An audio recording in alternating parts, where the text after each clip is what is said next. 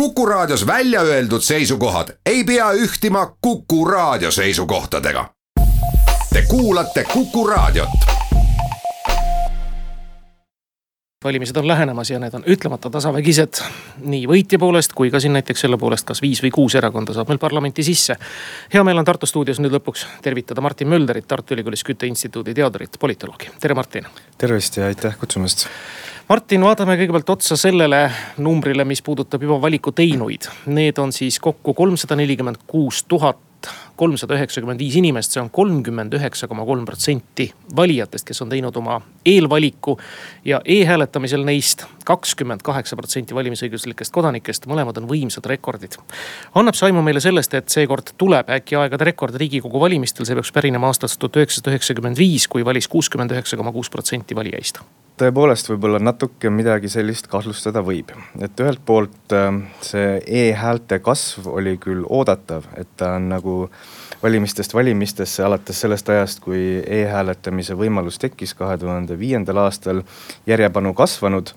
Ja seetõttu oli ka oodata, et, et ta seekord on natuke suurem, aga see kasv, mida me praegu nägime Äh, võib-olla on natuke rohkem kui sellest nii-öelda e-valimiste üha suureneva kasutuselevõtu kasvust võiks, võiks oodata, et selles mõttes tõepoolest võib kahtlustada, et võib-olla toimus valijaskonna teatud täiendav äh, mobiliseerumine ja me tõepoolest näeme äh, valimispäeva lõpuks, et, et üldine valimisosalus oli mõnevõrra kõrgem, kui ta eelmine kord oli, et eelmine kord siis oli umbes kuuskümmend neli koma kaks protsenti, kui ma õigesti mäletan. väga täpselt mäletad ja et ja mind ei üllataks, kui, kui seekord on, ütleme paar protsendipunkti kõrgem ja samal ajal, kui me mäletame, alles viimatised kohaliku omavalitsuse volikogude valimised tõid endaga kaasa vaid viiekümne kolme protsendilise aktiivsuse. no see selleks, need on hoopis teised valimised, parlamendivalimised lähevad inimestele korda, sest need puudutavad tõesti inimesi üle kogu Eesti. sõltumata ringkonnast ja mandaadist näib niimoodi Martin, kas me ja teie eeskätt politoloogina ja teie kolleegid juba tõmbavad ka neid võrdusmärke ja seoseid, mis puudutavad e-valimiste aktiivsuse kasvu ja mis puudutavad võib-olla erakondade valijasegmente. me teame, et e-hääletama on usinamad kindlasti noored. ja igasugused uuringud näitavad, et noored vot toetavad ühte, teist või kolmandat erakonda rohkem et kindlasti seal on omad seosed olemas, et, et kui me nüüd tõesti kahtlustame sellist olukorda, et ähm, toimus valijaskonna täiendav mobiliseerumine ja, ja palju rohkem inimesi otsustas äh, e-hääletada, siis äh, kindlasti äh, ütleme nii, et see võib olla märk äh, sellest, et mõned erakonnad nii-öelda said täiendavast valimisosalusest rohkem kasu kui, kui kahju. et siinkohal ma nagu noori otseselt nii väga esile ei tooks, et noored siiski üleüldiselt ei ole väga aktiivsed valijad, ma mõtlen just kõige nooremat vanusegruppi äh,. aga kui täiendavad inimesed tulid e-valima, siis tõenäoliselt võitis sellest äh, Reformierakond ennekõike, et Reformierakonna äh, üldiste toetajate hulgas on kõige rohkem neid inimesi, kes ütleksid, et nad läheksid e-valima. Äh, ja selliseid on ka näiteks sotsiaaldemokraatide valijate hulgas ja, ja Eesti kahesaja valijate hulgas. Äh, ja tõenäoliselt see, see ütleme, et võib-olla on vastupidine märk sellele, et Keskerakonna positsioon ei ole nagu nii hea enam valimispäeva lõpuks, kuna nende valijate hulgas on kõige vähem neid, kes, kes tõenäoliselt lähevad e-valima ja seetõttu ilmselt siis saab olema eriti põnev nüüd jälgida kõike seda, mis pärast kella kaheksat hakkab tilkuma. kell kaheksa saavad meil teatavaks siis just e-häälte tulemused. reeglina on need tõesti andnud mäekõrguse edu Reformierakonna esindajatele. kui me siin nüüd räägime need valimised mitte ainult selle poolest ei ole rekordilised, et on hästi paljud käinud juba eelvalimas ära. aga rekordilised minu mälu järgi ka selle järgi, et kui palju on kõikvõimalikke erinevaid populaarsusuuringuid välja tulnud. kaks kaalukamat, millest on alati võetud rääkida, tsiteerida, on ähm, Turu-uuringute aktsiaseltsi ja Kanter Emori uuringud. Need teinekord erinevad teineteisest kui öö või päev, see puudutab siis metoodikat aga see, et on ka teised tulnud kaasa, nagu Ühiskonnauuringute Instituut on oma uuringutega kaasa tulnud, annab aimu ühelt poolt sellest, et see teema on põnev. aga teiselt poolt tekitab segadust, keda uskuda et tõepoolest, et siin on, ütleme neli sellist nagu küsitlusfirmat on, on just väga viimastel hetkedel tulnud välja oma küsitlustega, et Kantar Emor, Turu-uuringud, Norstat ja siis Faktum ja, ja tõepoolest, nad kõik näitavad mingil määral erinevaid tulemusi ja nad kasutavad erinevaid metoodikaid, et selles mõttes kogu selles tulemuste nii-öelda mitmekesisuses äh, on, on väga keeruline navigeerida ja ütleme, et noh, kui, kui mina peaks nende põhjal midagi otsustama, siis äh, noh, on võimatu väita, et see küsitlus nüüd oli parema valimiga või täpsem kui see teine. et neil kõigil on oma nii-öelda tugevad ja nõrgad kohad, et ma võtaks kõikidest neist neljast võib-olla keskmise ja see võib-olla oleks hetkel nagu kõige parem ennustus, et kuidas ühel või teisel erakonnal võiks valimistel minna. las ma arvan, teil on see keskmine tehtud. mul on see keskmine tehtud. kuulame hea meelega. et see keskmine näitab, et äh, no et esmalt, et valimisvõit sisuliselt on veel täiesti otsustamata, et Reformierakond ja, ja Keskerakond, nende toetus ähm, hetkel või siis ütleme eelmisel nädalal, kui need küsitlused läbi viidi äh,. Oli kuskil seal kahekümne viie, kahekümne kuue protsendi kandis mõlemale, et nende vahe on, on niivõrd väike, et äh, hetkel tõepoolest ei ole võimalik otsustada, kumb neist siis valimised võidab. Äh, kolmandal kohal päris kindlasti on, on EKRE, nende toetus siis kõikide nende erinevate küsitluste lõikes võiks olla kuskil äh, ütleme kaheksateist protsenti, umbes sinnakanti. Äh, ja neile järgnevad siis Isamaa ja sotsiaaldemokraadid, kelle toetus on ka vägagi võrdne, et mõlema toetus on sinna kuskile ütleme kümne, üheteistkümne protsendi kanti. et see, kumb neist nii-öelda viimase koha võtab, et seda Äh, seda ka veel ei tea ja, ja kõik need küsitlused äh, või enamus neist äh, annab suht üheselt mõista, et Eesti kakssada praegu on napilt valimiskünnise all, et nende toetus jääb sinna kuhugi nelja protsendi kanti. Noh, loomulikult on olemas tõenäosus, et nad teevad veel võimsa lõpuspurdi ja ületavad valimiskünnise, aga praegu paistab, et, et nii-öelda šanssid on, on nende vastu Need on siis erakonnad, kelle puhul peaks kapist välja otsima või Viru tänava algusest valmis otsima siis punased roosid, aga need, kellele lähevad valged kallad matuselilledena, ilmselt on siis Vabaerakond. ja noh, liiga hilja vist pildile roninud elurikkus. Jah, tõepoolest, et, et vähemalt küsitlustulemustest ei ole praegu viimasel ajal olnud ühtegi märki, et, et Vabaerakond või, või Elurikkuse erakond ületaksid valimiskünnise. Äh, mis puudutab äh, rohelisi, siis äh, noh, nende toetus on, on olnud mõnevõrra kõrgem kui Vabaerakonna ja Elurikkuse Erakonna toetus, et see on kohati ulatunud isegi sinna võib-olla kolme protsendini. Äh, aga roheliste puhul äh, jah, tasuks ka meeles pidada seda, et, et nad on selline erakond, kes väga palju, paljude valijate jaoks on üks äh, väga tõenäoline valik, aga, aga lõpuks ikkagi juhtub niimoodi, et, et nad seda valikut ei tee, et selline üleüldine valmidus nagu roheliste või mõne rohelise erakonna poolt hääletada valijaskonnas on olemas, aga millegipärast nad seda lõppkokkuvõttes ikkagi ei tee oletame, et kui Eesti kakssada paraku sisse ei saa, ei saa paraku sisse ei rohelised elurikkuse ega ka siin Vabaerakond, siis tekib üsna suur ja märkimisväärne hulk neid hääli. ja neid loendatakse juba siin kümne ringis, kümne protsendi ringis, kes jäävadki siis parlamendis esindamata. me oleme demokraatia pidupäeva ootuses küll, aga demokraatiale seesugune otsus ilmselt head ei tee äh, jah, tõepoolest on oht, et kuni see kümme protsenti hääli läheb nii-öelda allapoole künnist ja seega nagu kaduma et selles mõttes ähm, noh, see ei ole küll, küll väga suur arv. aga oma sihuke ütleme, mõju on, on, on tal siiski, et, et kui nii suur hulk hääli jääb allapoole künnist, siis see tähendab seda, et kõik ülejäänud erakonnad, kes Riigikokku pääsevad, saavad nii-öelda väikese boonuse, et nad saavad äh, proportsionaalselt palju rohkem kohti Riigikogus, kui oli nende üleüldine häälte osakaal, et näiteks oletame, et kui äh, Reformierakond võidaks valimised ähm, kahekümne kuue protsendi häältega ja siis umbes kümme protsenti häältest läheks ähm, allapoole künnist, siis äh, selle kahekümne kuue protsendi häältega võiksid nad saada isegi kolmkümmend üks kohta näiteks Riigikogus, ehk siis palju rohkem kui, kui kakskümmend kuus protsenti saja ühest kohast eile just lugesin ühte faktikontrolli, mis puudutas Siim Kallase väljaütlemist, et noh, sisuliselt oli ta mõte vist säärane, et kõik allapoole jäänud hääled lähevad võitjatele, nagu see Tonti meetod seda ette näeb. no päris nii see ei ole, see läheb ikka proportsioonina jagamisel, eks ju.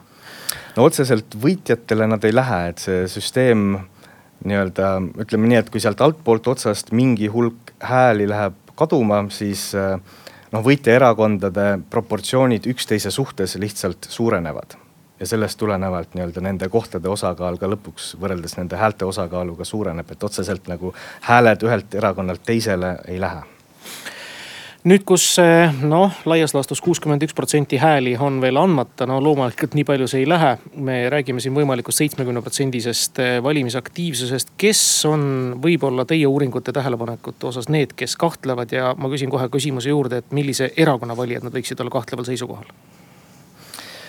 No ütleme nii, et eh, mis puudutab erakondade omavahelist konkurentsi häälte pärast, siis ma näen, et eh, Äh, väga palju on, ütleme selliseid valijaid näiteks, kes on äh, Reformierakonna ja, ja Isamaa vahel, et nagu on need hulk, see hulk valijaid, kellel on nagu äh, väga mitu kõrge tõenäosusega erakonda, kelle poolt hääletada, siis selline Reformierakond ja Isamaa moodustavad sihukese väga selge paari, kes omavahel nii-öelda nende veel mitte otsustanud valijate häälte pärast võitlevad ja samamoodi ka ütleme Eesti kakssada ja Reformierakond, et tundub, et, et äh, see on ka üks selline nagu erakonnapaar, kelle vahel käib üpriski äh, kibe konkurents häälte pärast.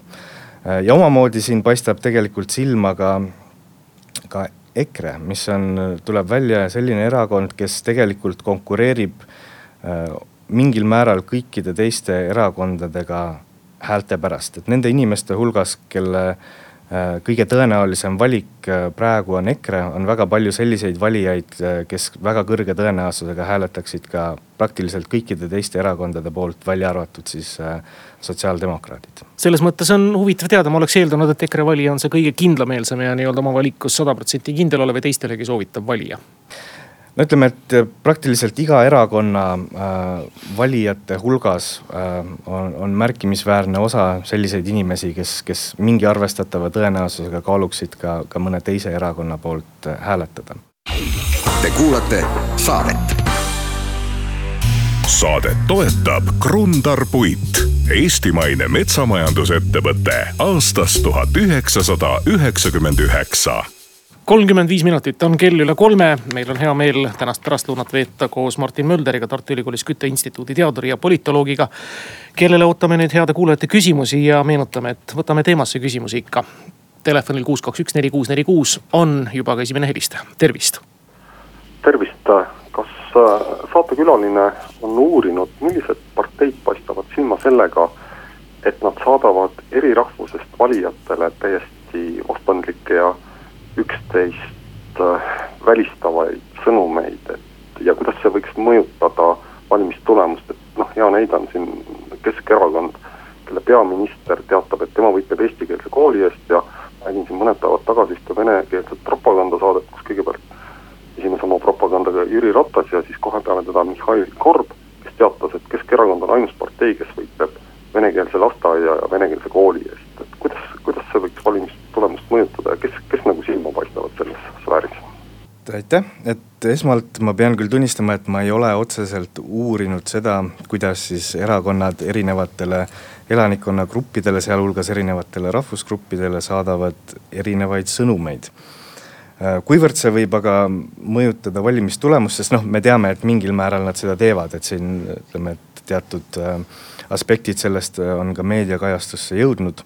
aga kuivõrd see võiks mõjutada valimistulemust, äh, siis mingis mõttes ma arvan, et äh, äh, mitte väga palju, sest äh, tasub meeles pidada, et, et nagu Vene valijal Eestis praegu ei ole otseselt äh, kellegi teise poolt hääletada kui Keskerakonna poolt ja nad on üpriski lojaalsed Keskerakonnale. Et äh, mitte eesti keelt kõnelevatest valijatest umbes seitsekümmend protsenti annavad oma hääle Keskerakonnale ja, ja teised erakonnad võtavad sealt äh, vaid mõned üksikud protsendid ja laias laastus on see niimoodi olnud ütleme siis äh, alates pronksööst edasi, et, et enne pronksööd oli olukord, kus, kus ähm, mingid märkimisväärsed protsendid Vene valijatest andsid oma, oma hääli ka teistele erakondadele ja pärast seda on see olnud ainult Keskerakonna monopol. Et selles mõttes äh, neid valijaid Keskerakonnalt ära meelitada oleks väga keeruline. ja selles mõttes ma julgeksin öelda, et, et selline suunatud kampaania võib-olla väga palju valimistulemust ei mõjuta.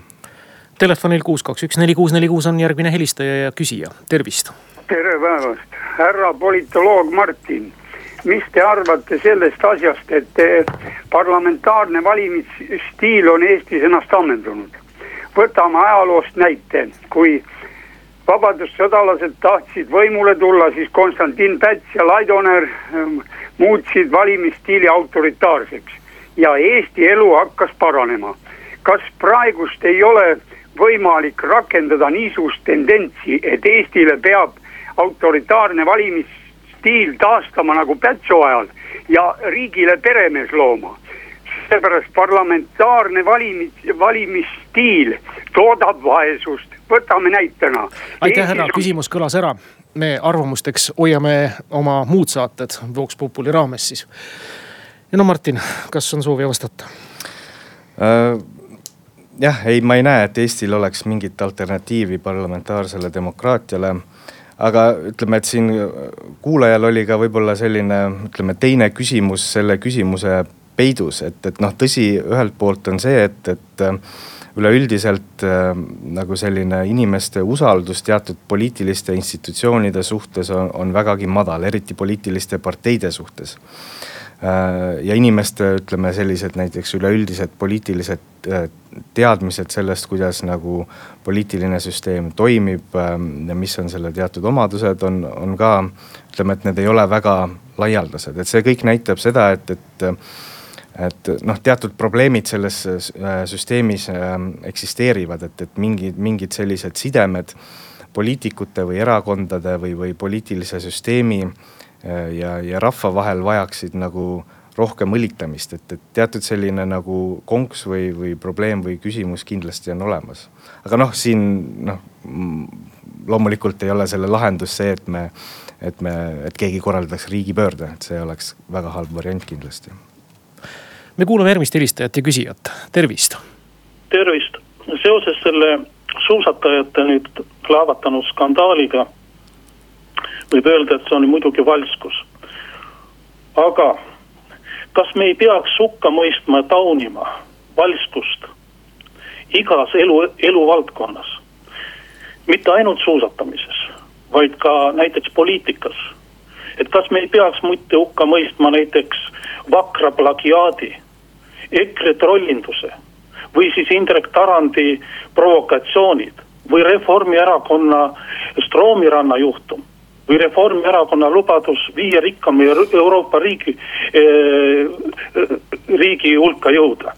et need on kõik ju valskus ja kui me ühes valdkonnas lubame valskust nagu poliitikas ja teises ei luba, no siis on ju noh, ma ei tea, mis asi see on. aitäh see vist ei ole päris politoloogiline küsimus, aga ma küsin selle valguses siis juurde. Ela Rainer Vakra juhtum, kuivõrd hävitav ta võib olla siin nüüd sotsiaaldemokraatidele, see on meile teadmata tume maa.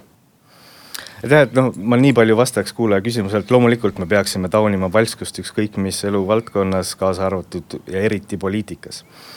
Ähm,. mis puudutab äh, noh, kõiki neid konkreetseid juhtumeid, mida, mida kuulaja loetles, siis no ütleme, et väga, väga paljude nende puhul äh, võib-olla kaasneb ka küsimus, et mil määral ja kuidas ja kui palju ja, ja täpselt mismoodi tegemist on valskusega või mitte.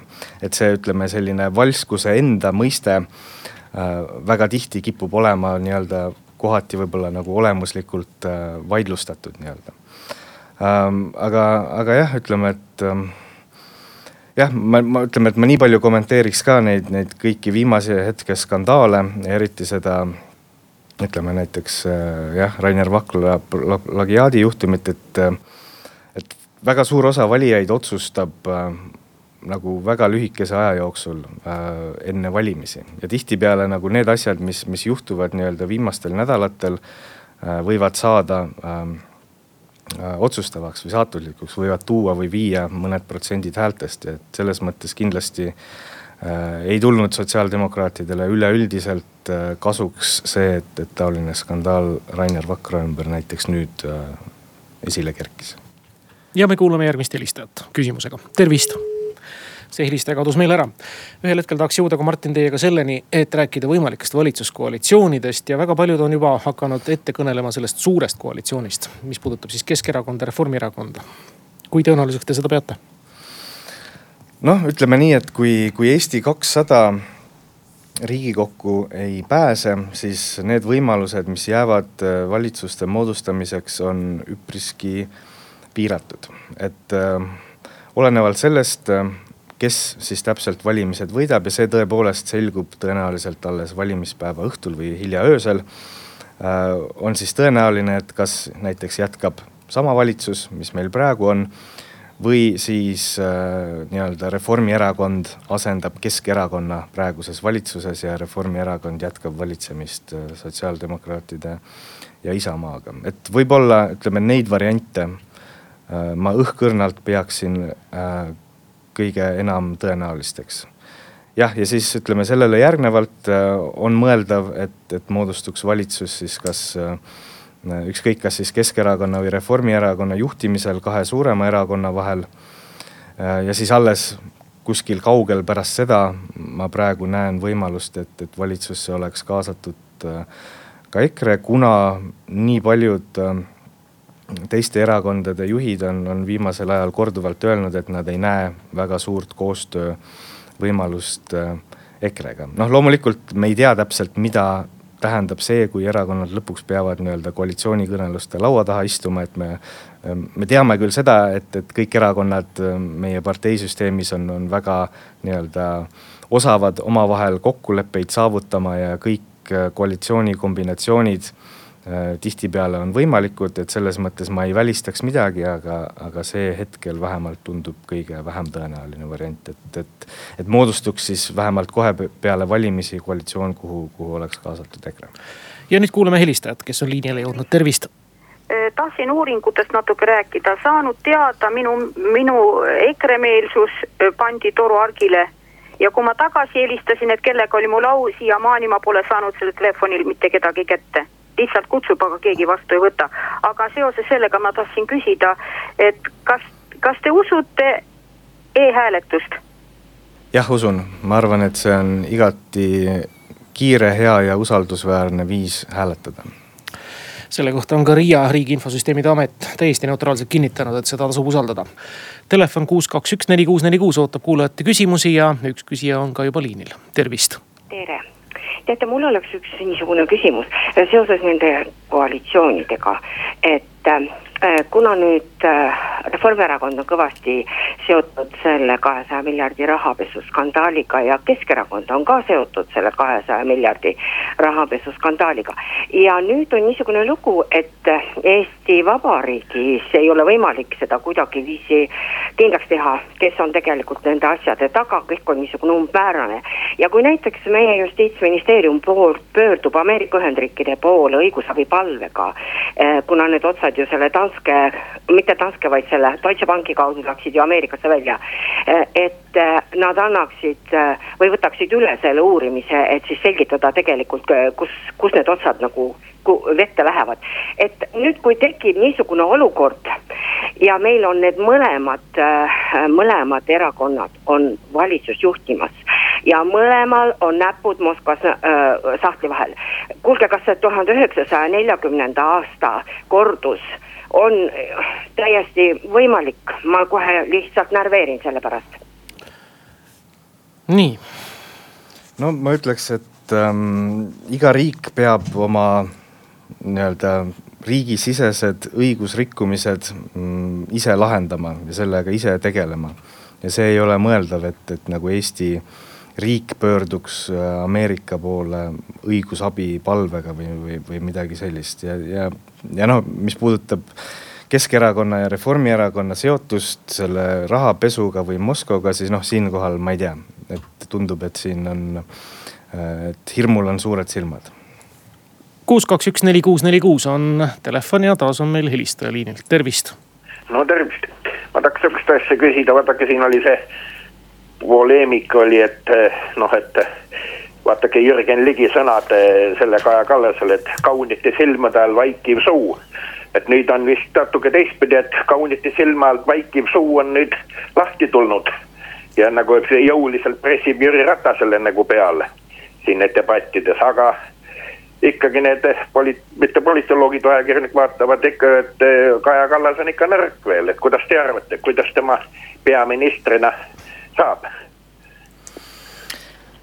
jah, eks seda peab näitama aeg, et kui talle see võimalus tuleb, eks siis me näeme, kuidas ta hakkama saab, aga noh, ma ei, ma ei oleks siinkohal väga-väga mures, et noh, üks asi on see, et kuidas nagu äh, millise mulje jätab üks või teine kandidaat või poliitik äh, valimisdebattides ja teine asi on see, kuidas ta siis äh, reaalselt valitseb, et valimisdebatid on üks väga selline spetsiifiline žanr, mida ütleme, et väga palju võib-olla muul ajal ei, ei näe. ja, ja ükskõik kes või ükskõik kumb kahest suurest erakonnast valimised võidab, ma arvan, et nende ridadest tuleb Eestile hea peaminister. me kuulame järgmist helistajat ja küsijat, tervist. küsijat, tervist. nii, siin tahab keegi helistaja vist nalja meiega teha.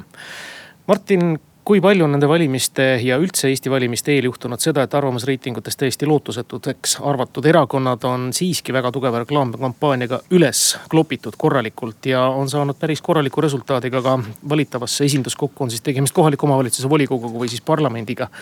ja seejärel on taas mürisedes alla kukutud, olete te seda fenomeni jälginud ja kas sellel on ka mingi nimetus? Äh, kas sellel on eraldi nimetus, äh, seda ma ei tea aga noh, ütleme, et seda noh, ka meie enda nii-öelda parteisüsteemi ajaloost me, me teame seda, et, et üks erakond võib tulla äh, väga lühikest aega enne valimisi, saavutada mingi kõrge populaarsus ning siis hiljem väga kiiresti kaduda, et noh, kõik me mäletame Res Publicat näiteks, noh mingis mõttes ka äh, ka Vabaerakonna ütleme fenomen oli selline. Ja, ja noh, mingis mõttes ka EKRE, et kui me va vaatame tagasi eelmistele valimistele siis no okei okay,, äh, praeguseks hetkeks või kui vaadata nagu veebruar kaks tuhat viisteist arvamusküsitlusi, siis selleks ajaks nagu äh, noh, nende tõus oli juba märgatav ja nad olid seal sees, aga paar kuud ennem, näiteks kahe tuhande neljateistkümnenda aasta lõpus, äh, mõlemad olid veel täiesti tundmatud suurused, et selles mõttes noh väga viimasel hetkel on võimalik tõusta, aga kui me räägime nagu viimasest hetkest selles mõttes nagu juba praegu on viimane hetk, siis noh, ma arvan, et viimaste nädalate või, või isegi päevadega ei ole enam võimalik midagi teha kaks tuhat viisteist tervitas valija uusi tulijaid lahkesti. tänasel päeval on see märksa raskemaks läinud. kas tulevasi valimisi silmas pidades läheb see tegevus aina raskemaks, ehk siis uutel millegi uuega ennast täiesti esile murda? Ma ei usu, et selles mõttes noh, nii palju sellist nagu rahulolematust või, või soovi millegi uue järgi on, on kuidagi nagu konstantselt äh, valijate hoiakutes olemas. et ma arvan, et selline uudsus äh, kui ressurss potentsiaalselt alati töötab, et alati on, on see hulk valijaid, kes mingil viisil ei ole rahul, kuidas enamus erakondi või kogu poliitiline süsteem toimib ja, ja siis on alati võimalus mõnel, mõnel uuel erakonnal tulla ja öelda, et, et vaadake, meie oleme nüüd uus jõud, valige meid. et noh, tõepoolest praegu nendel valimistel võib-olla see nii hästi ei ole läinud, et Eesti kahesajal sellist tõsist hoogu sisse saada tundub, et oli raske või, või ei õnnestunud aga noh, see ei tähenda, et, et järgmistel valimistel me ei võiks näha kedagi palju suurema hooga tulemas valimiskampaanias, mis enamasti on edu toonud, meil on sihuke vana hea vastandumise trikk ja see vist on kogu maailmas, vanas maailmas nõndaviisi, kus on kauaaegne demokraatia juba püsinud, aga selline mingitele hirmudele vajutamise aspekt, kas see ka töötab? no mingil määral kindlasti, aga, aga noh, ma ka võib-olla seda üle ei, ei rõhutaks, et võib-olla positiivne sõnum töötab sama hästi või paremini ja ütleme, et noh, kui me vaatame taaskord siin meie kahe suure erakonna konkurentsi, siis noh, näiteks Reformierakonna poolt on nüüd kampaanias olnud sihukest, ütleme väga palju sellist meeldetuletust valijatele, et, et äh, ärge valige Keskerakonda, et siis te saate keskpärase Eesti, mis liigub tagasi, et valige meid, me viime Eesti edasi parema tuleviku suunas. et sellist jah, üksteisega äh, hirmutamist ja, ja vastandumist on palju, aga mind äh, noh, mingis mõttes äh, minus tekitab see nagu, nagu küsimärke, et, et Reformierakond näiteks äh, noh, tasub meeles pidada, et Reformierakond ja Keskerakond esmajoones omavahel samade valijate pärast ei konkureeri. et Keskerakond näiteks konkureerib palju rohkem sotsiaaldemokraatidega valijate pärast ja Reformierakond konkureerib palju rohkem Isamaaga valijate pärast, et selline nagu üksteise hirmutamine antud kontekstis, ähm, ma kahtlustan, et selle nagu potentsiaal endale hääli juurde tuua, vähemalt Keskerakonna ja Reformierakonna puhul ei, ei ole niivõrd, niivõrd produktiivne, et pigem on see selline strateegia, mis, mis nagu kinnistab sinu juba olemasolevaid tuumiktoetajaid ja päris lõpetuseks, kuivõrd järgmised valimised on ka välja kuulutatud, kui palju riigikogu valimised võiksid hakata mõjutama kahekümne kuuendal mail toimuvaid Euroopa Parlamendi valimisi? noh, raske öelda, et Euroopa Parlamendi valimised on mm, mingis mõttes olnud alati palju vähem äh, nii-öelda tähtsad või palju vähem populaarsed ja hoopis teise loogikaga valimised. et seal osalus näiteks on olnud palju madalam ja, ja ta on olnud palju rohkem selline persoonikeskne. Et äh, aga noh, üks mõju, mida ma võib-olla näen või mida võib natuke kahtlustada, et kuivõrd need kahed valimised on niivõrd järjest siis võib-olla me märkame Europarlamendi valimiste puhul teatud sellist äh, väsimust, võib-olla nii, nii valijad kui ka mingil määral võib-olla ka poliitikud on sellest nüüdseks juba mitu-mitu kuud kestnud kampaaniast natuke väsinud, ehk see jätab oma, oma varju või jälje Europarlamendi valimistele ütlemata suur tänu, Martin Mölder, Tartu Ülikoolis Kütteinstituudi teadur ja politoloog, täna stuudiosse tulemast, oli üks väga hariv tund. Teiega koos istuda, teid kuulata, valimispäev on ülehomme, kel valik on tegemata, soovitame kindlasti valima minna ja siis teeme juba uued järeldused ja uued arvamised. loomulikult, miks mitte ka tänase külalisega, aitäh teile, Martin Mölder veel kord ja ilusat eesseisvat nädalavahetust. aitäh kutsumast